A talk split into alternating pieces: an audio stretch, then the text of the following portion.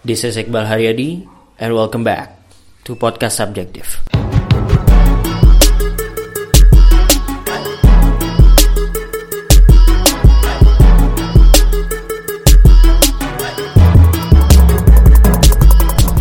Sama Bang Yaman Akbar, boleh kenalan dulu Bang?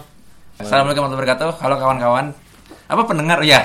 Apa pun itu. Baru pertama kali soalnya eh apa dua kali ya apa pun lah. Nama saya Ilman Muhammad Ilman Akbar. Kalau googling cari aja Ilman Akbar.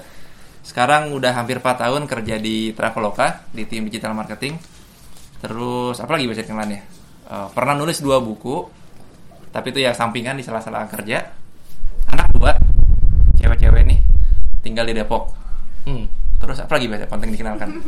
Kalau ya sekarang lagi punya hobi toy fotografi di Instagram. Oh gitu. Baru atau udah Baru setahun lah. Setahun. Tuh, cari aja Instagram Ilman Akbar underscore Star Wars. Asik. Terus dulu sempat ngevlog juga, terus ngeblog juga berapa tahun lah, tapi vakum. Ya in general saya suka digital marketing.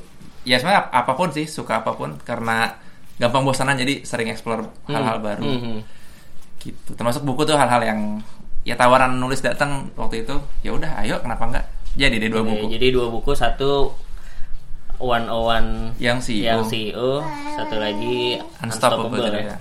Tapi gue kalau flashback ya dulu zaman kuliah ya gue pertama tahu Ilman Akbar tuh anak UI.com, Oh iya, ya kan? website community Gimana kabarnya anak UI.com sekarang lagi jadi kan waktu awal masuk Traveloka 2015 tuh belajar dari teman-teman sendiri di tim sendiri tim SEO Hmm. sempat di improve lah trafficnya dapat uh, making money juga dari AdSense gitu-gitu terus habis itu down lagi vakum lagi 2 tahun ini lagi mau di, di- apa lagi ditulis ulang kontennya lah biar bisa dapetin traffic dari SEO lagi gitu Tapi kalau Sih. kalau dulu ya ini flashback lebih lama lagi ya. Dulu Oh. awal mulanya gimana Bang anak UI.com? dulu tuh waduh masih ada di oh, masih ada di pikiran gak ya? Iya. Banget. loading. Jadi 2007 tuh zaman-zaman semangat ngeblok kan awal Iya. awal ngeblok dulu 2007 tuh lu awal kuliah. tahun kedua lah. Oke. Jadi uh, kuliah tahun 2005 masuk, 2006 tuh mulai rame-rame ngeblok lah ya kayak TikTok zaman sekarang lah, blogger zaman dulu tuh. Iya iya iya. TikTok. Tuh jadi nge- mulai nulis seru, terus waktu itu merhatiin nih di kampus nggak ada sumber info yang update nih di UI Ah. nih. Jadi berita-berita tuh cuma ada dari apa? Jadi beritanya tuh cuma ada dari apa namanya kayak buletin kampus gitulah majalah Ah. kampus yang terbitnya tuh eh, sebulan sekali, tiga bulan sekali gitu-gitu. Dan Jadi itu pun nggak online ya. ya itu nggak itu nggak online sama sekali dan nggak nggak cepat. Tapi cuma itu sumber berita mahasiswa banget. Jadi kita jadi aku mikir kalau misalkan bikin eh, sumber bacaan sumber informasi yang mahasiswa banget itu gimana caranya ya udahlah bikin akun.com gitu. Dan waktu itu bikinnya konsepnya user generated konten Hmm. gitu. Ya udah jadilah ngajak-ngajak teman-teman terdekat udah sampai tahun 2009 lah itu masa ya dua tahun sisa saya di kampus tuh 2007 2009 itu masa ya lumayan serunya lah Masa aktif ya. Maaf, masa aktif terbaik Kalau waktu itu yang ya momen paling terbaiknya yang kayak wah gila nih anak UI.com ternyata impactnya gede juga ya gitu. itu waktu ya kalau kalau kalau hore-horean rame-ramean sih yang seru tuh pas setiap kali pemira sih pemilihan ya ba- ba- Ya, bibit-bibit pilkada rusuh Ya. pemilu rusuh tuh dari kampus juga tuh tiap kali mau pemilihan ketua bem tuh rame itu anak dotom tuh jadi tempat apa eh, Liputnya ya. tem- bukan liputan juga jadi tempat orang Oh, tempat debat. menuangkan ya tempat debat gitu Dulu belum belum belum even Twitter gitu belum ya. Twitter tuh ada tahun 2000 ya itu begitu Twitter dan Facebook makin rame anak dotom turun karena orang lebih suka Hmm. yang pendek-pendek cep- Iya, dibanding iya, iya, nulis iya. panjang itu benar senjanya tuh di 2009 karena ada Twitter Iya benar benar benar. Tapi anak UI-nya juga nggak akhirnya nggak aktif di Twitter. aktifnya aktif as in cuma ya nge-share sesuatu doang sih orang nggak ada timnya juga sih lagian waktu itu belajar apa eh, nggak ngerti juga caranya build tim segala macam ya saya sendiri dengan orang-orang yang ng- ngisi konten apa udah sih ada yang sempat bantuin tapi ya namanya juga saya juga nggak terlalu paham jadi ya udah jadi ada yang bantuin tapi nggak terlalu maksimal juga sih Mhm. Gitu Tapi kan dulu eh ya gue sebagai angkatan-angkatan baru pada saat itu ya, gue ngeliat anak UI.com kan sebenarnya jadi sebuah media yang wah indie Eh, dan Iqbal jurusan apa sih? Gue dulu MIPA biologi. oh pernah nulis bukan ya lupa ya Gue lupa sih. Tadi gue di jalan gue berusaha mengingat juga gue pernah nulis atau enggak. Ya. cari. Nah, tapi ya dulu kan emang orang nul jadi kayak ada yang nulis opini di situ terus semua orang akhirnya Komen-komen. komen-komen di situ Eh, cukup seru lah ya dan Itu ya. eh, cukup ini gak sih eh, Kickstarter juga gak sih di sebagai media kampus yang diikuti kampus lain gitu Waktu itu sih jadi waktu itu sih emang ada beberapa dari kampus lain yang yang emang bilang terus terang kalau terinspirasi dari anarki.com itu apa apa aja udah lupa sekarang. UNJ gitu kan ya Iya, UNJ ada terus di Bandung tuh apa ya? Unpad apa apa? Pokoknya adalah sempat dua dua tiga kampus kayaknya yang yang bilang kayak gitu yang sempat saya kontakkan. Hmm. Tapi habis itu ya ya sempat kepikiran juga gimana kalau bisa menyatukan itu jadi jadi sebuah jaringan kampus, website kampus nasional. Cuma ya again nggak punya pengalaman, nggak punya ilmu. Hmm. Dan mungkin dipikir-pikir lagi sih mungkin terlalu niche juga Hmm. eh, jangkauannya jadi ya ya udahlah ide sekedar ide lah. Hmm. Tapi sempat alhamdulillah yang paling yang paling berkesan sih ilmu yang insight yang didapat adalah ya bisa jadi influencer lah bisa jadi buzzer zaman itu. Atau tidak? anak UI-nya atau anak lu-nya? anak nya anak nya Hmm. jadi kan udah punya follow eh, di Twitter lumayan aktif juga sih bener diinget-inget lagi sempat bikin apa-apa seru-seruan lah di Twitter dulu hashtag hashtag apa zaman dulu dan jadi ini jadi jadi bisa jadi buzzer follower banyak ya dapat job-job buzzer juga dulu ah, ah. itu yang yang tersisa Kalau lu pribadi pas zaman zamannya anak UI lagi hype banget terus Aha. waktu itu eh, sempat kayak bermimpi gitu kan kayaknya bisa nih jadi gue jadi pebisnis bisnisnya ini Iya, gitu. iya, Eh, exactly. Jadi anak Gotham tuh dulu diniatkan emang jadi jadi bisnis emang sih. Eh, jadi dulu diikutin ini jadi ini jadi membangkitkan Iqbal membangkitkan memori masa lalu nih. nggak pengen dilupain nggak, tapi ya eh no, feel nostalgic aja. Jadi waktu itu sempat diikutin PKM kewirausahaan. Oke. Sempat sempat masuk proposal dapat modal berapa. Ya itu makanya bisa bisa ada ngajak tim juga kita bikin kaos, bikin stiker, bikin activity lah Ah, gitu. ah, ah. Itu tahun berapa 2008 2009 2009 kali ya terus habis itu sempat minta eh, modal dari dosen di kampus Oke. buat ya ceritanya mencari mencari bisnis model buat ya intinya gitulah Iya, eh, iya. ngejadiin itu bisnis dan dari ya berhasil berhasil gagal ya. cuma cuma cuma itu jadi ini sih jadi oh jadi ternyata saya tuh sebenarnya emang punya passion eh, bikin bisnis juga gitu bikin build something dari dari dari dari scratch gitu Hmm. dan ya ternyata sadar diri bahwa nggak ada ilmunya apa nggak punya ilmu ya akhirnya sekarang kerja gitu udah kerja sama orang kan berapa tahun udah gitu sih tapi tapi tapi memang emang dalam hati masih pengen build something nih Hmm, hmm. kelak apa Tapi Itulah. ya eh, waktu awal-awal kayak ini wah udah mulai dapet traction terus kayak Hmm. gue bisa nih jadi the Hmm. the next CEO gitu kan. Oke. Kayak lu waktu itu kayak gitu juga. Sindrom-sindrom gitu juga. let's be remember ya in in short sih iya sih Hmm. nah, kepengen oh ini langsung ya eh, ber- bermimpi berhayal bermimpi slash berhayal tinggi iya ya bener jadi eh, itu waktu dulu jadi cerita cerita muter dikit nih. Waktu di kampus kan selain anak Brotom kan saya juga suka meroyek-meroyek nih. Nah lulus Ya. kamp meroyek bikin website. Nah setelah dari kampus partner saya bikin proyek-proyek itu tuh ngajakin bikin bisnis. Tanda kutip karena nggak ada PT-nya cuma cuma apa namanya eh, Project-project aja. pro- proyek-proyek tapi punya ru- punya punya kantor. Terus nah itu anak Dotom tuh jadi service utamanya adalah web development gitu. Hmm. terus juga ada service eh, web hosting. Kata berisik kak. Terus juga ada anak Dotom ini sebagai produk gitu jadi dijadiin apa namanya bisnis unit lah ceritanya Ya, in-house product gitu ya. Ya, tapi ya tidak berhasil juga. Terus begitu terus bisnisnya dibubarin 2009. Eh 2011 sorry. Bisnis 2009 lulus bikin 2011 dibubarin. Anak Kilotom tuh pengennya saya saya pegang sendiri gitu dijalanin gitu. Jadi ngerasa oh udah punya pengalaman lagi mau jalan jadi bisnis lah 2011 tuh. Tapi ternyata tidak juga. Hmm, Jadi hmm, jadi turun lagi baru benar naik eh, bisa making money itu pas masuk Traveloka justru. Oke. Jadi saya belajar caranya datengin traffic, Hmm. masang caranya oh bisa masang Google AdSense lo di website ya udah dapat dapat uang lo 100 dolar sebulan gitu waktu itu Hmm, hmm, hmm. udah udah sih jadi ya that's that's the maksimum jadiin bisnis Oke.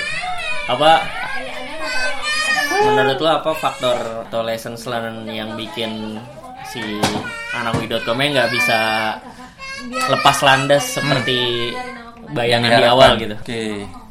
Jadi dulu dulu waktu waktu masih muda gitu masih ya masih lebih muda masih ngejalanin tuh kayaknya oh ini semua semua ide tuh profitable gitu ya. Terus kalau sekarang udah udah udah berada di bisnis beneran ya kerja di company beneran gitu yang emang memang beneran gitu. Jadi ngelihat oh kok kemarin tuh marketnya terlalu kecil terus eh, saya nggak bisa menemuin nggak bisa mempertemukan supply dan demandnya. Jadi eh, siapa nih yang butuh inian apa namanya media buat nge- ngegrab anak kampus tuh? Nggak tahu siapa dan kalaupun tahu nggak ada resource-nya buat melakukan itu. Jadi nyari nyari kliennya tuh susah. Terus juga faktor supply sendiri nih anak Grotom nih udah nggak jadi apa namanya yang di yang dilihat yang kayak nggak kayak dulu lagi lah. Dulu kan nggak ada media nggak ada sosial media. Pada baca anak.com sekarang udah ada macam-macam distraction makin banyak ya udah. Product wise supply wise product wise tuh udah nggak nggak menang lagi lah. Jadi ya itu learning learning yang ya itu sih mungkin emang ya mungkin apa next next ini ya udah pivot aja lah nggak usah yang se, se, se ini zaman dulu. Sekarang sih sekarang sih pivotnya tuh ya udah jadi media online aja ngasih konten bermanfaat. Brandnya anak UI tapi kontennya ya whatever lah yang penting Hmm, ada yang oke. baca ada yang dapat benefit gitu. Gitu sih. jadi sisa-sisa UI nya cuma ada di nama domain Kalau dari lu nya sendiri sebagai orang yang jalanin kayak what what what you wish you know earlier gitu. apa ya? Kalau kalau kalau gue tahu sebenarnya terlalu kecil marketnya sih mungkin mungkin nggak nggak nggak diseriusin banget gitu. Jadi dulu kan yang ikut diikutin PKM kewirausahaan kalau itu ber, berasumsi kalau marketnya tuh ada tapi ya produk market fit aja belum ketemu gitu. Hmm, jadi ya eh, ya itu sih I wish I knew eh, how to create value gitu di awal cuma ya ya regardless itu part of Learning apa part of learning lah important part of life yang happy juga sih bisa build something terus ada teman-teman yang bantuin waktu itu juga Hmm, ngerasa ngerasa memiliki jalan bareng-bareng ya udah sih ya akhirnya begini ya nggak apa-apa lah Ya, ya, gitu. ya. I think it's legendary. Kayak gue sebagai Mudah-mudahan. sebagai users ya. Mudah-mudahan. Eh, tapi emang kalau gue inget-inget sih emang nggak nggak kalau dibanding kayak di satu angkatan gitu ya mungkin Aha. yang bener-bener tahu dan Hmm. make anak itu emang Bisa, dikit banget ya, gitu ya, emang ya mungkin gue nggak tahu ya tapi gue sih ngerasa karakteristik karakteristik itu ya emang orang-orang yang eh, either suka nulis atau suka baca dan emang Hmm. suka ber bersosialisasi secara online gitu jadi emang layernya tuh Beda, makin tipis ya. aja ke atas Nggak mainstream lah. Nah, nggak mainstream banget Eh, Iqbal angkatan berapa? 2010 2010 ya itu udah udah udah masa-masa phase out yang angkatan terakhir deh pokoknya eh, angkatan yang paling ya angkatan waktu saya bikin itu kan 2007 2006 hmm. 5 ya 5 6 7 8 9 tuh yang yang masa-masa user aktifnya lah Iya, dari iya, 10 iya, ke iya. atas Ah, udah ah. makin udah nurun banget oh, makin turun. udah nurun banget dan, dan udah rame Twitter sih waktu itu. Emang, akhirnya tergantikan juga kan sama kayak info kuliah atau apa yang gitu-gitu ya Iya, iya. Belum. Sekarang ganti lagi sama Instagram. Iya, persis jadi Meme-memean. Tapi lo dari abis lulus kuliah eh, langsung kerja Enggak. di- Jadi kalau cerita habis lulus kuliah tuh ya tadi sama temen yang yang waktu itu proyek-proyek diajakin bikin bisnis. Oke. Eh, kalau kalau apa kalau pernah dengar ya nggak mungkin ada yang dengar sih namanya Unifin singkatan dari singkatan dari Universitas Indonesia nama nama brand kita tuh Unifin dulu Unifin. Unifin Oke. Unifin Unifin.com ya udah itu itu bikin itu eh, ada ada bisnis unit tuh dua. Tadi anakvi.com sama web hosting. Nah terus sama sama jasa consulting. Sempat nge-hire mungkin empat orang eh tiga tiga orang karyawan kali. Satu web developer Hmm. yang sekarang jadi istri sendiri. Jadi tuh dia dulu kerja sama saya. Oke. terus dua tuh eh, CS buat web hosting gitu. Terus kalau ada ada kalau ada proyek-proyek kita biasa outsource lagi cari cari apa freelancer lain. Ah, ah, ah. gitu. Terus itu jalan 2 tahun. Waktu itu eh, apa akhirnya partner saya itu namanya Kamal 2005 itu dia decide buat udah dibubarin aja deh gitu. Fasilkom juga? Fasilkom juga. Terus kah kenapa dibubarin? Gitu. Sempat nggak sempat nggak nggak menyangka. Tapi ya pikir-pikir iyalah bubarin aja orang. Gajian cuma sekitar 500 per bulan Oke. itu pun nggak tiap bulan gajian. Jadi yang yang gajian tuh ya anak-anak dulu. Dia tuh cuma segitu ya. Cuma satu setengah bisa gaji orang kan. Tega banget sih. Terus ya udahlah emang emang emang kita juga nggak ngerti bisnis masih perlu belajar. Ya udahlah bubar 2011 Ah. 2011 April dibubarin. Itu saya mau saya mau nikah sebenarnya. Jadi bulan Juni 2000 2011 itu saya nikah. Hmm. jadi statusnya pengangguran pas nikah tuh. Oke. ya tadinya juga pengangguran sih bikin bisnis nggak nggak baju-baju kan ya sama aja gitu lah habis itu bisnisnya ditutup nikah sempat ya tadi sempat mikir anak dokter harus jalan sendiri jadi bisnis eh, sendirilah tapi at, at the end saya akhirnya itu banyakkan freelancer freelanceran Mhm. tapi bukan bukan nge-freelancer yang yang yang masalah jadi saya nge-freelance nulis Hmm. nge-freelance eh, apa ya dulu aktif startup lokal tuh tahun-tahun itu tuh 2011 Oke. akhir Hmm. 2010 sampai 2005 2011 12 tuh aktif di startup lokal ya karena nggak ada kerjaan lagi kan Hmm. cuma nge freelance kadang oh ya ada pernah bikin web juga freelance bikin web freelance tulis startup lokal cuma most of the time saya itu di rumah doang Hmm. tidur gitu Istri- yang kerja istri terus akhirnya malah dia eh, ngingetin ini kok kamu nggak berkembang berkembang sih hidupnya gitu bukan Hmm. gajinya ya gajinya sih iya tapi nggak di- nggak Poinnya nggak- bukan itu. nggak di mention ya Ah. Tapi karena tidur mulu eh, akhirnya jadi banyak apa banyak down gitu-gitu nih gimana sih itu, abis, abis- itu lagi, lagi hamil lagi jadi akhir 2011 tuh udah hamil alhamdulillah terus nyari-nyari program kuliah yang bisa dapat beasiswa nah salah satunya itu eh, ada program S2 dari IDS Oke. apa International Design School sama IKJ. Nah, jadi kerja sama kerja sama bareng bikin program S2 wirausaha kreatif lah. Nah, IDS itu tuh kalau tahu teman-teman tuh yang punya Andi S Budiman yang apa eh, investor inilah lumayan kalau kalau kalau biasa di industri startup tahu nama beliau. Itu IDS yang punya dia. Hmm. Jadi ada program itu saya ke kantor IDS itu cuma buat tanya-nanya Hmm. nyenengin istri doang lah karena emang duit dari mana kan emang nggak berdaya daftar banget gitu orang terus ke sana nah di sana malah ketemu sama eh, ini yang ini ini ini ini salah satu orang yang mengubah hidup saya lah itu namanya Mas Ades Aulia dia terakhir sih kerja di dia jadi head of academy-nya di OLX sekarang kerja bareng Hadi Kuncoro eh, mantan CEO apa? Zalora. Hadi. Ya itulah pokoknya. Ada, ada, em, em, Jalur Ol- Lazada nggak tahu. bukan bukan Lazada ya pokoknya pokoknya si Mas Ade Saulia ini lumayan ini di di di di di di di scene di scene uh, e-commerce toko Hmm. online itu lumayan aktif lah. Oke. nah aku udah kenal sama dia sebelumnya waktu waktu tahun-tahun sebelumnya tuh suka aktif di acara-acara komunitas kan. Jadi ke sana ketemu Mas Ades ujung-ujungnya malah diajakin kerja bareng. Jadi kuliah sambil kuliah dibayarin kantor potong gaji maksudnya dari IDS tapi sambil kerja bareng dia. Ya udah itu itu 2012 awal Eh, sorry kerjanya di IDS. di IDS. Oh, Oke. Jadi itu kerja di program yang eh kerja di kantor yang bikin program kuliah itu. I see. Saya kuliah sambil kerja. Kuliah hari Sabtu S2-nya. Kerja ya kan bi- eh, tiap hari biasa. Masih dapat diskon karyawan ada. Udah, itu singkat cerita pertama kali saya kerja dan pertama kali belajar bahwa oh ternyata begini loh jadi profesional. Karena kan dua Hmm. tahun lulus kan nggak kerja sama sekali kan. Nggak kerja sama orang gitu maksudnya. Jadi Tidak profesional. gitu. jadi ngerasa tidak profesional dan emang emang berasa lah oh ternyata kerja tuh begini gini gini. Hmm. jadi dulu ngerasa oh jadi entrepreneur tuh apa keren. eh, sukses. Padahal in reality ya ya gitu satu setengah sebulan gitu. Apa yang sukses kan? Ya udah kita kerja. Udah sampai sekarang eh, sekarang bisa di Traveloka gitu sekarang. I see. itu itu itu itu karena itu karena di ya ditempa sama Mas Ades dan later ada direktur yang lain namanya Mas Ari. Itu ya dua orang yang ya kayak kayak abang lah kayak Hmm, kakak lah hmm. yang yang yang mengubah saya jadi lebih oh menemukan saya tuh begini ya gitu gitulah Hmm. I see. gitu gitu Ketika lo eh, apa namanya? Ya tadi kan habis lulus sempat bisnis sendiri dulu. Iya. Terus habis bisnis sendiri dulu nggak terlalu sesuai dengan ekspektasi. Yap. Eh, akhirnya sempat ada masa yang down tuh. Iya, saya sempat down banget, eh, down banget nggak ya? Pokoknya Tapi nggak ada outputnya lah, pokoknya nggak- di keluarga. ya. juga gitu. Iya, iya, ya gitu dong. Masa-masa freelance freelance dan banyakan nganggur ya, banyakan di rumahnya. I see. Gitu, gitu. Oh, itu masa-masa juga nulis di Tech Kinesia, Deng. Jadi saya, Ah. saya, saya, saya sempat jadi freelancer apa sempat jadi writer Tech Kinesia. Dulu namanya masih nama lama. Cuma di situ jadi tahu kalau meskipun saya suka nulis, kalau nulis jadi kerjaan itu saya nggak suka ternyata. Ah. Jadi saya nulis artikel di, di Kinesia berapa gitu? 8 apa 10 sempat jadi freelance nulis buat detik. Tapi ternyata kalau jadi kerjaan kok nulis nggak enak ya, gitulah. Penuh tekanan ya. Gitulah. Eh tapi ini agak agak melenceng bang.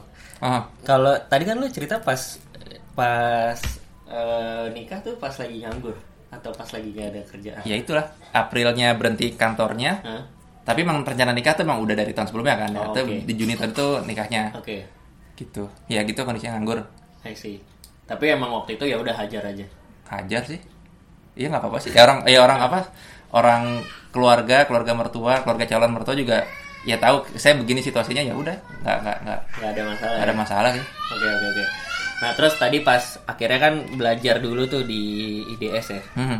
eh, kuliah lagi plus kerja juga kan Yep. Bela- belajar tentang ya belajar jadi profesional Yes. lah Yep. Kayak, lu bisa share nggak mungkin Oke. nggak tahu tiga atau empat poin kayak apa yang ternyata lo pelajari oh ternyata dunia profesional tuh kayak gini yang ternyata beda banget ketika gua berpikir gua profesional pas gua jadi pebisnis Hmm. Oke. di awal Oke, apa ya? Hmm, bentar. Jadi Kenapa deh? Jadi, nah, sebelum sebelum sebelum saya cerita lebih jauh tuh mungkin saya cerita konteks sedikit kerja saya tuh ngapain gitu Hmm. waktu di waktu di jadi saya kerja tuh di kantor ID. Jadi selama selama saya punya utang bayar kuliah, saya kerja di tiga company-nya Pandi itu. Hmm. Jadi jadi satu IDS, sekolah animasi sekolah desain, dua itu eh dua tuh agency communication agency Aido Works eh Aido nama lupa lah. Ketiga tuh SEM agency Gopher namanya. Gopher oke Tapi itu Gopher sekarang rebranding jadi Aido Works. Hmm. Jadi jadi intinya gitu loh. Jadi jadi kerjaan saya tuh saya pernah bikin program pendidikan saya, saya pernah bikin program kursus digital marketing di di IDS. Mhm. Saya juga eh, abis itu saya bikin abis itu saya malah jadi digital marketing manager di sana lah. Saya saya ngedatengin calon murid lewat internet, lewat sosial apa lewat SEO eh, di di IDS.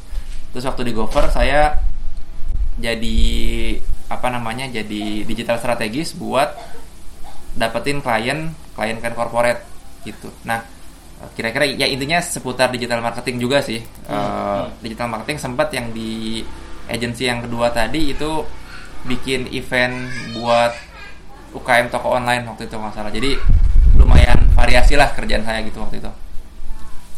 Nah, yang dipelajari apa insightnya ya? Oke, satu ini sih eh, masalah kerja itu sama dengan belajar buat saya. Jadi eh, saat saat punya exposure ke berbagai project, berbagai kerjaan itu yang yang yang dituntut dari kantor itu tempatnya saya belajar dengan bos-bos, manajer-manajer, direktur-direktur tuh ngebantu saya belajar. Ternyata saya belajar. Itu kerja sama dengan belajar. Jadi eh, saya sih selalu percaya kalau kerja itu adalah tempatnya belajar. Jadi kalau kita nggak grow ya itu ada yang salah sama kita gitu. Satu, terus dua, eh ternyata emang pertama kali baru tahu tuh ada target waktu, ada target finansial, ada target, ya ada target lah. Hmm. Selama selama kerja sendiri itu nggak ada yang ngasih target gitu. Jadi ya ya udah ada proyek syukur kerjain, kalau nggak ada tinggal cari. Hmm. Kalau nggak dapat dapat ya cari lagi ya santai Iya. lah gitu. Ya ada sih begitu dapat proyek kan targetnya deadline selesai gitu kan. Tapi ya ya udah gitu doang gitu. In general nggak ada yang direction yang kita bisa jalan gitu. Ini ketiga masalah visi gitu, masalah tujuan, masalah direction. Kalau saya ngerasa saya tuh bisa menjadi supporter visi orang gitu. Jadi kayak waktu waktu waktu bikin bisnis itu oh dia pengen jadi Ntar lupa visi kita dulu apa ya. Jadi pokoknya itu saya, saya nge-support visi partner saya itu itulah. oke Terus pas di kantor juga sama eh, oh kantor nih pengen bikin ABC kenapa jadi begitu begitu tahu apa yang mau diarahin begitu tahu kenapanya itu ternyata ngebantu saya buat eh, maksimal gitu. Karena karena bukan cuma disuruh suruh suruh suruh tapi eh, jadi bisa mengeluarkan apa yang terbaik dari diri saya buat mencapai goals itu gitu. Jadi tujuan tujuan itu tuh yang yang kayak dulu tuh nggak terlalu clear banget sih. Visi ya nyambung lah dua sama tiga lah visi tujuan. Hmm, hmm. tapi yang ini lebih lebih lebih broadnya kita mau ngapain sebenarnya dalam bisnis itu yang yang yang yang yang perlu ada lah gitu udah sih kayak itu sih. Hmm, hmm, hmm. apa sayang? Iya duduk di situ. Anak saya lagi duduk di atas dispenser yang ditaruh di ruang tamu ini. Seru nih pertama nih interview ada anak-anaknya masuk. Kedengeran suaranya pasti ya? Dengeran dengeran tapi kecil-kecil gitu. Eh, oke oke oke. Ya itu mungkin kalau gue sih ngerasa ya itu juga kan yang lo tulis juga ada ceritanya juga kan ya di Unstoppable ya oh iya betul oh iya tuh semua kisah itu ada di ada di buku itu tuh ada di buku Ah. Unstoppable dan eh bal btw Hah? bisa nggak bisa giveaway nggak oh ya bisa Ntar bisa saya kasih nanti di akhir Iya, Nah. kasih deh. nah gue juga waktu baca baca itu emang gue ngerasa eh, relate juga gitu Aha. Eh, dan gue gue ya gue cukup yakin banyak banget sih yang mahasiswa yang kayak gitu maksudnya apalagi di dengan quote and quote eh, apa namanya founder Hmm, ini startup, founder syndrome gitu kayak semua orang pengen jadi founder pengen jadi apa dan segala macam tapi emang gua pun kayak gitu kan maksudnya dulu di awal wah iya bikin ikut PKM dapat bisnis Mhm. eh dapat modal terus bikin bisnis keren nih ntar gue bisa gini gini gini masuk majalah apa gitu gitu Hmm. tapi tapi emang akhirnya pas udah dun- di dunia karir beneran pun oh ternyata nggak apa gue tuh nggak tahu apa apa gitu so tau Yes, banget gitu dulu yes, kayak yes, exactly. ngapain ya gue berta- berbulan-bulan kayak gitu nggak ada outputnya gitu Yes. lu juga ngerasa kayak gitu ya Jadi ternyata tuh ki- kita ya gua didn't know that we did that we didn't know gitu. Jadi kita nggak tahu, kita iya. nggak tahu kan. Kita Iya. ngerasa tuh oh yang kita lakukan tuh tahu ternyata ya ya udah ternyata ya, setetes dong di antara Iya, antara bener, lautan bener, ilmu. bener, Itulah. bener. even bahkan gue pun dulu merasa gue tahu karena gue ikut banyak kayak sem- ada seminar apa ikut Hmm. baca buku apa gitu-gitu banyak tapi even kayak gitu pun ya nggak tahu nggak ya Iya, benar iya, nggak masih- tahu banyak nggak taunya sebenarnya Betul betul betul. Jadi emang salah satu ini apa salah satu kalau misalkan kayak di Traveloka tempat saya kerja sekarang nih Traveloka kalau kita mau nyari orang buat di hire itu kita nyari yang punya humility to learn lah yang yang Hmm. yang yang yang ngerasa nggak tahu dan selalu pengen grow bareng gitu jadi kalau eh, apa namanya ya justru kita senang gitu maksudnya ya of course kita hire yang udah experience tapi mereka selalu ngerasa pengen belajar gitu. Jadi sama Hmm. akhirnya kan sama-sama belajar gitu kan. Tapi kalau kita kerjanya bareng orang yang sok tahu kan ya nggak bisa di, nggak bisa dikasih tahu nggak bisa dikasih input nggak bisa dikasih feedback kan susah. Ya ya ya gitu ya untung, untung kita sadar kalau kita tuh Iya, ternyata kayak begitu kan. Ya ini interesting nih. Lo kan akhirnya masuk ke Traveloka ya? Hmm. dulu eh udah empat tahun berarti ya? Sudah hampir 4 tahun tiga setengah lebih lah. Tiga setengah lebih. Waktu awal masuk role-nya apa Jadi pretty much sih role-nya nggak terlalu berubah signifikan ya, cuma emang lebih lebih luas aja areanya. Jadi eh, areanya tuh saya di tim sekarang sih di tim organic marketing, tim SEO dan social media. Hmm. Awal masuk itu SEO doang. Jadi dulu eh, challenge-nya adalah waktu itu eh, challenge yang dikasih eh, bos saya nih sekarang CMO-nya itu adalah kita udah punya tim marketing, udah punya tim SEO. Jadi company, jadi Traveloka aware kalau SEO itu SEO itu penting gitu. Jadi emang eh, ya. kan ada yang nggak terlalu ngerti ya SEO gampang gitulah di, di diremehin tapi Traveloka itu penting. Dan mereka sudah punya saat itu mereka udah punya lima orang yang udah lumayan senior lah gitu udah udah lima enam tujuh delapan tahun experience gitu. Dan dedicated buat SEO dedicated buat SEO Traveloka tapi eh empat atau lima orang ya? Ya empat atau lima orang lah tapi nggak ada yang bisa tapi mereka tuh pretty much individual contributor gitu nggak ada yang bisa nge-build dari satu tim. Dan dan saya diajak eh, buat masuk buat itu gitu. Jadi Hmm. jadi jadi nge-build timnya biar solid gitu. Biar jadi satu direction. Ya itu sih role utamanya itu waktu itu kayak gitu. Dan alhamdulillah tahun pertama empat dari lima resign. Ya ya nggak apa-apa sih. Maksudnya eh, mungkin itu bagian dari emang ternyata emang chemistry-nya nggak cocok gitu. Jadi ya eh, mereka juga nemu offering offer yang lain lebih better oke lah. Jadi eh, tapi tapi satu orang yang tersisa nih emang emang loyal banget lah. Nih kita panggil mbah lah. Aki, apa setelah itu eh, yang nge-hire nge-hire. Jadi jadi timnya jadi tim di Indonesia. Terus pas Traveloka expand ke Southeast Asia eh, saya juga termasuk yang yang yang nge-build timnya interview segala macam nyari lead leadnya interview tim-timnya. Terus sampai 2017 tuh udah udah operasional full di semua negara Traveloka terus 2017 saya ditambahin amanah buat handle tim sosial medianya dimasukin ke tim saya. Karena waktu itu tim sosmednya gen udah ada tapi nggak ada yang megang lah jadi ya drifting away jalan sendiri gitu nggak nggak tanpa proper attention dari company segala macam. Jadi saya usulin yaudah dikasih. Yaudah sih itu yang sekarang saya lakukan sih. Tim SEO dan sosial media.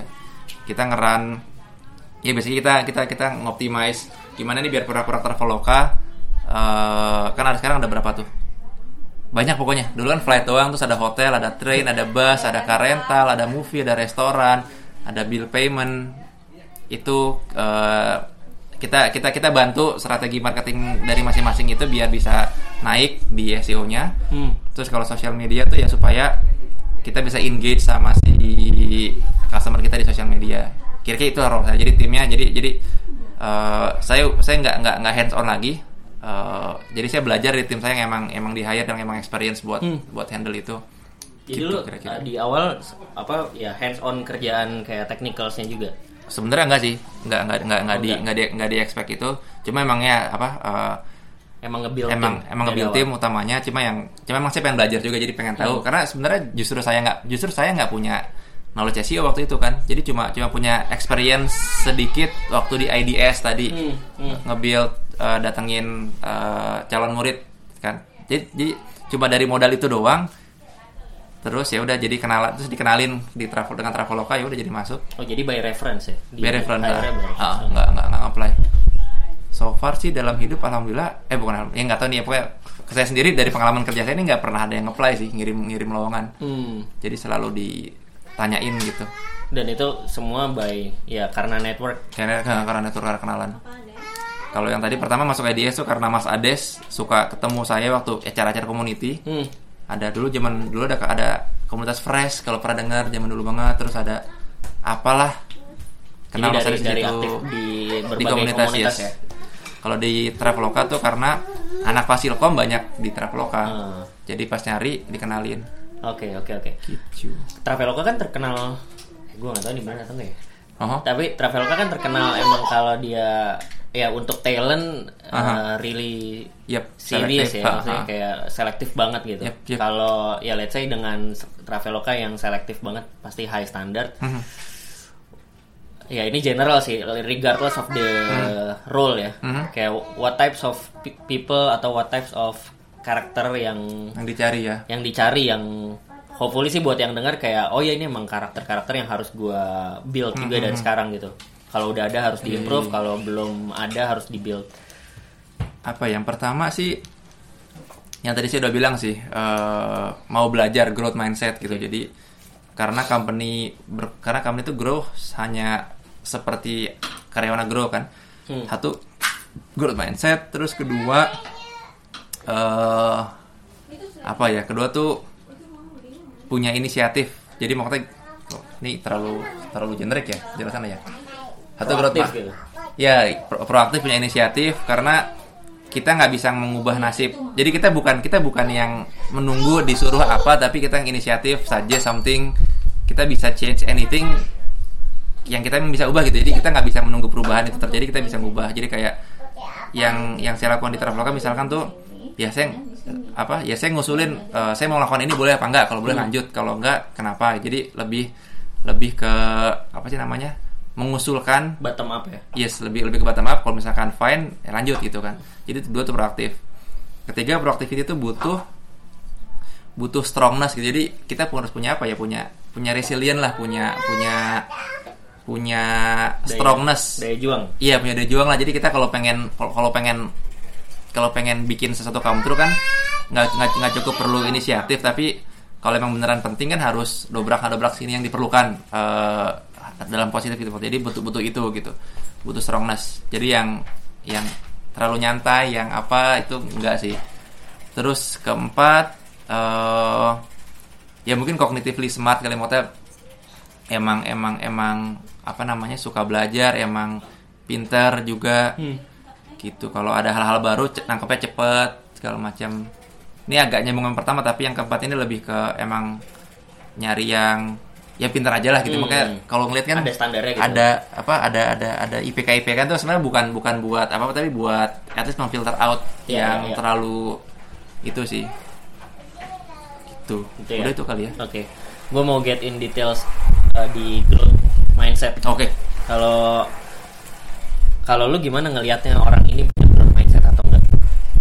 kalau pertanyaan yang aku tanya tiap kali jadi sebenarnya sih kelihatan nih eh, by, by feeling atau sama sama aku terbiasa buat ngelihat orang nih tahu kalau oh iya iya iya. jadi orang yang suka, yang punya growth mindset tuh banyak nanya Hmm. jadi eh, conversation tuh going lanjut karena dia tuh banyak nanya gitu Eh, jadi Kayak- ini ketika interview. sebelum interview tuh bahkan maksudnya kayak in general in general Hmm. kalau ngelihat orang yang punya growth mindset tuh pasti mereka banyak nanya banyak pengen tahu gitu Hmm. pas interview eh, kalau pas interview sih mereka kan kadang-kadang su- suka sungkan buat nanya gitu kan tanpa Hmm. dikasih tanpa diizinkan jadi kalau mereka bisa jadi kalau kalau saya biasanya tuh nanya kenapa tertarik sama Traveloka Hmm.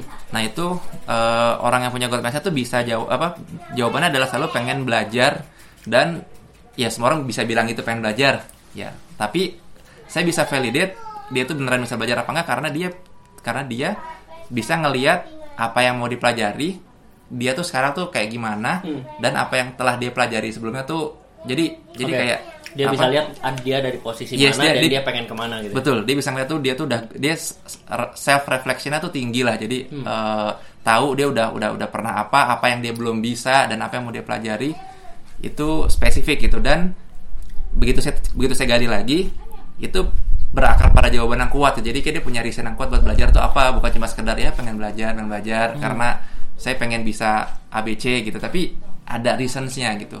Dan itu rasa ingin tahu tuh Hmm. eh, kenapa kenapa punya ingin tahu tuh ya kelihatan lah dan itu divalidate dengan dia bukan cuma pengen dapat kerja doang tapi emang pengen belajar kira-kira gitu sih yang saya lihat sih Hmm. Boleh kasih contoh nggak bang satu? Mungkin salah satu tim yang yang mungkin gak usah disebut namanya sih, tapi Hmm, dia bisa ngasih oke. jawaban. Oh gue sekarang ada di sini, gue pengen belajar ini gitu. apa ya Yang spesifik. eh, dan dan apa contohnya ya kalau kalau misalkan di kalau pas udah masuk kerja sih kelihatan sih eh, dia beneran punya growth mindset apa enggak. Eh, oke, jadi mungkin ini ini ini case menarik nih. Karena case ini nih si si si anak ini akhirnya meng- mengundurkan diri gitu karena dia nggak perform. Hmm. Kenapa dia nggak perform? Karena dia nggak punya growth mindset. Kenapa dia nggak punya growth mindset? Karena waktu saya interview tuh saya belum belum belum belum ngerti buat tanya, buat explore tentang itu. Jadi eh, jadi jadi saya nggak tahu kalau dia tuh ternyata tidak punya growth mindset. Jadi ini si si si si si anak ini nih eh, performance ratingnya tuh jelek gitu. Jadi kan biasa kan kalau di, di itu ada rating sistem mid apa above apa Hmm, hmm, hmm. eh, not mid. Gitu. Nah dia tuh not mid dua kali dan di not mid yang kedua kali itu eh, ada peraturan buat dia tuh harus masuk improvement program. Jadi ada area yang dia harus improve Mhm. dan kalau dia nggak improve nanti dia harus mengundurkan diri gitu karena berarti dia nggak meet our standar. Nah salah tuh yang saya lihat tuh dia dia akhirnya eh, singkat cerita dia akhirnya nggak nggak nggak nggak berhasil lolos di improvement program karena item yang udah kita sepakatin buat dia harus improve itu tidak berhasil dia eh, dia improve. Nah yang saya lihat adalah ternyata dia tidak tidak punya growth mindset karena dia tidak apa ya eh, input yang feedback yang kita kasih ke dia tuh nggak nggak bakal bikin dia semangat buat Hmm, memperbaiki diri gitu. jadi kayak kayak kayak dia pengen buat kerja doang. Dia dia anaknya emang asik gitu mah tapi bukan pengen make himself better gitu lah. Hmm, hmm. itu itu itu kelihatan. Jadi feedback yang dikasih ke dia tuh kita udah kebantu buat pengen dia maju tapi nggak nggak nggak nggak berhasil. Nah contoh lain yang yang punya growth mindset tuh adalah ada lagi yang dia selalu nanya tentang eh ini nextnya buat buat growth karir saya itu gimana sih gitu jadi kayak apakah company udah punya karir plan terus eh, apa namanya setiap kali setiap kali ada kesempatan buat buat dia belajar hal baru gitu. jadi selain yang kerjaan di tim tapi juga ada hal kayak misalkan kayak tanda ku- tanda kutip extracurricular activity kayak ada project sampingan yang yang di offer ke semua de- depart apa semua employee di departemen Dia ngambil. dia dia mau daftar gitu Ah, ah. Ada kayak gitu jadi jadi Oke. jadi dia ini pengen gue extra miles biar bisa belajar hal baru Hmm. dan itu ya of course senang banget sih gitu jadi ya gitu sih karena seorang seorang tim leader ini cuma bisa apa eh, seorang leadernya cuma bisa grow as much as ya timnya grow juga sih Ya. gitu jadi saya selalu nyari orang yang mau grow karena saya pengen belajar dari mereka gitu in return gitu sih Betul. Dan itu mungkin yang poin terakhir eh, ini juga kali ya, apa namanya eh, sebuah karakter tim yang bagus ketika ya semua tim itu belajar satu sama lain. Yep. kan? bukan Yep. dari bukan dari manajernya yang Yes, ngajarin terus. Exactly. Exactly. Jadi kita jadi kalau di Traveloka tuh kita punya punya culture buat ya jangan jangan ragu buat ngasih im, buat ngasih feedback ke atas jadi mata ya kalau bos ngasih ya bos anak kutip ngasih teguran ke anak buah kan normal. Iya. Tapi di kita sebaliknya juga bisa gitu. Jadi kalau ada Hmm. hal-hal yang di aku di bos apa di di manajemen nggak ini ya tinggal speak up gitu Hmm. karena apa feedback itu itu feedback is a gift gitu. Jadi Ya. kalau kita mau grow, kita dikasih feedback tuh senang harusnya. Oh iya ternyata nih ada area yang gue masih missing nih gitu. Ya, Jadi Traveloka tuh kayak gitu sih. mantap mantap mantap. Ya itu gue yakin cukup ini juga sih cukup penting juga buat banyak terutama mungkin yang Hmm. ya baru-baru di early career lah untuk tahu yang Yap, yap. tadi terutama growth mindset kali ya. Nah ini eh terakhir mungkin ya. Wow, nggak kerasa. Berapa menit kita udah ngobrol? 40 menit. Oh, biasanya berapa lama ininya? Sejam. Durasi durasinya. Sejam. Oh, oke. Jadi ini terakhir masih bisa panjang. Oke. Itu nggak bosan ya denger sejam? Pendengarnya nggak bosan nih? Keren. Eh, ya, ya ada yang denger sih untungnya. Sambil ini ya, sambil lalu. Nanti biasanya kita validate kalau giveaway gitu kan di akhir. Oke. Tapi bisa juga nanti mungkin gue nyoba juga giveaway-nya taruh di tengah Depan, gitu. hmm, oke. Ah, dua kali gitu kayak di tengah sama di belakang. Alright. Ya. Nah terakhir ya mungkin bahas lebih detail ke buku Unstoppable ya. Oke. Jadi Bang Ilman ini bukunya ada dua, satu One One yang CEO. Yep. Itu masih terbit juga bang. Oh, enggak sih, udah tahun berapa pertama keluar tuh 2013 kali. Jadi udah langka Eh ya. enggak 2014. Ya udah udah udah udah nggak dijual toko buku lah, udah nggak dicetak lagi. Udah nggak dicetak lagi. Padahal eh, bagus sih. Yaitu kumpulan Profil basically kumpulan profil CEO kan. iya, entrepreneur di bawah 30. entrepreneur di bawah 30 jadi bagus buat cerita-cerita gue kenal gue dari buku itu jadi ada beberapa yang akhirnya gue approach kenalan Oke, gitu. Kayak nice. ada yang gue inget banget sih eh, Mas Aryo sih Aryo Pratomo Oh, oke. Segario, Segario. dia podcastan juga tuh Oh, si dia podcastan juga Itu nah, gue pertama tahu Mas Aryo dari buku itu terus Oke. dulu masih ada koma kan Iya, Koma iya, dia masih hidup koma. dulu. Itu bahkan gue mau masukin profilnya juga dia nggak nggak interview langsung deh dia baca profil. Ah. Ah, lupa jadi dari dari 100 pro- Ya, profil dari itu- riset lah ya Iya, itu dari secondary riset, nggak semuanya dari primary riset. I see. Nah ini kan buku keduanya Unstoppable dan gue personally pas baca apa namanya ya baca sekilas gitu di kebetulan sih bukunya ada di kantor ya mungkin punyanya Timi ya. Oh, karena iya. Timi ngasih testimoni kan Oh iya iya betul Hmm. betul betul betul. gue baca sekilas dan menurut gue eh, menarik karena dia ngangkat cerita-cerita gagal sebenarnya kan Yap. cerita-cerita failures gitu kalau buat lu pribadi di di, di sini Ah. selain cerita gagal yang tadi udah diceritain Mhm. cerita yang mana yang menurut lo paling kalau bisa cuma baca satu kayaknya orang harus baca yang itu gitu Eh, cerita kegagalannya siapa apa ya? Jadi ini ini ini ini buku ini kombinasi antara cerita saya sendiri, cerita gagal saya sendiri, cerita gagal dari beberapa orang yang saya interview langsung. eh seperti ada Zaki, Hmm. Bukalapak, Bukalapak, ya. terus ada entrepreneur dari Semarang, eh, Wula namanya yang bikin brand eh, baju muslim. Hmm. Terus ada yang gagal skrip, ya bukan gagal sih, tapi dia skripnya itu susah banget. Itu gagal akhirnya juga ada. Terus ada yang eh, founder, ya ini ini cer- cerita sedikit tuh awalnya nih bikin gagal bisnis aw- awalnya, tapi di apa di pivot atau apa ko- konsepnya. Hmm, hmm, Jadi yang gagal in general lebih lebih lebih relate ke orang lebih banyak mudah-mudahan. Segitu ada juga interview langsung tadi, terus ada juga yang dari eh, ya secondary riset lagi lah, Iya. baca baca baca oh ada itu saya, saya tulis ulang, minta izin ke orangnya. Ada yang saya sari, ada yang saya sariin, saya translate ulang dari kisah-kisah pendek di Quora gitu. Jadi cerita Oke. orang dalam hidup mereka. Kalau ditanya mana yang paling satu dibaca, apa ya?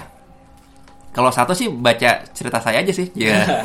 kan di luar yang cerita itu cerita itu Apalagi ya? em, tunggu tunggu. Ini, ini ini ini terus terang nih. Saya baru saya baru nyentuh nyentuh buku ini lagi. Ini buku terbit 2016. Saya baru nyentuh lagi tuh minggu lalu sih. Wow. Eh, jadi bahkan sebelum sebelum Iqbal apa bilang mau ngobrol, saya baru baca ulang lagi tuh. Bukan baca ulang, ngintip ulang tuh belum lama.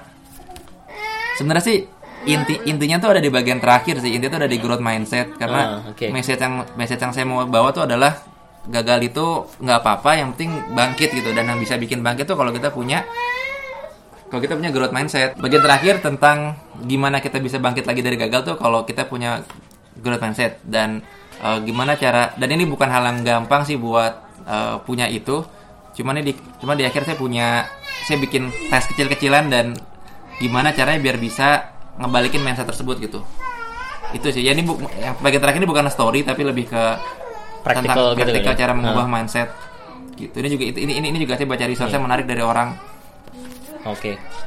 Perbedaan eh, seperti apa sih perbedaan growth mindset sama yang fixed mindset? Hmm, jadi hmm. kalau teman-teman mikir seperti ini itu tuh ciri-ciri apa oke boleh dong Contohnya, oke. di share yang bagian ini nih oke misalkan perbedaan antara fix mindset sama growth Oke.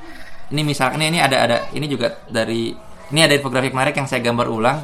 Ada beberapa item yang bisa bisa identify kita kira-kira mindsetnya growth apa fix.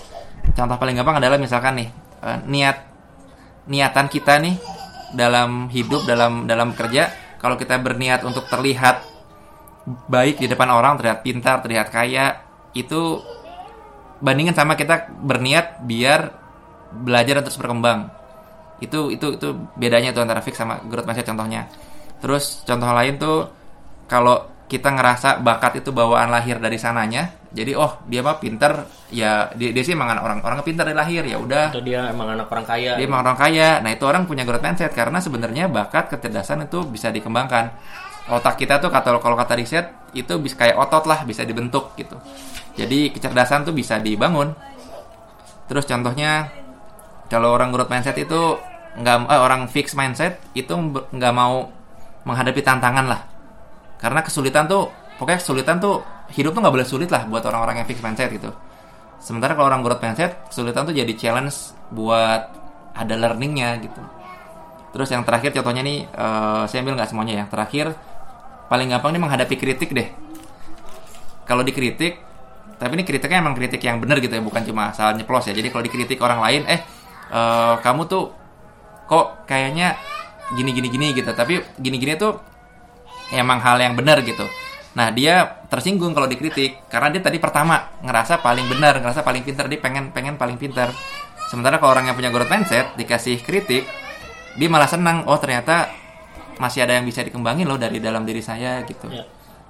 dan ini dan, dan paling terakhir banget deh kalau orang fix mindset tuh biasa dengki kalau kata orang sukses Hmm. kalau orang growth mindset tuh oh mereka gimana ya biar bisa sukses ya gitu itu sih Malah jadi terpacu ya. jadi terpacu Hmm. karena merasa ya hidup kita bisa bisa better loh gitu Ya, ya, ya. itu sih perbedaan utamanya sih dan itu ada di bagian akhir buku ada di bagian akhir Unstoppable ya. bagian akhir Oke.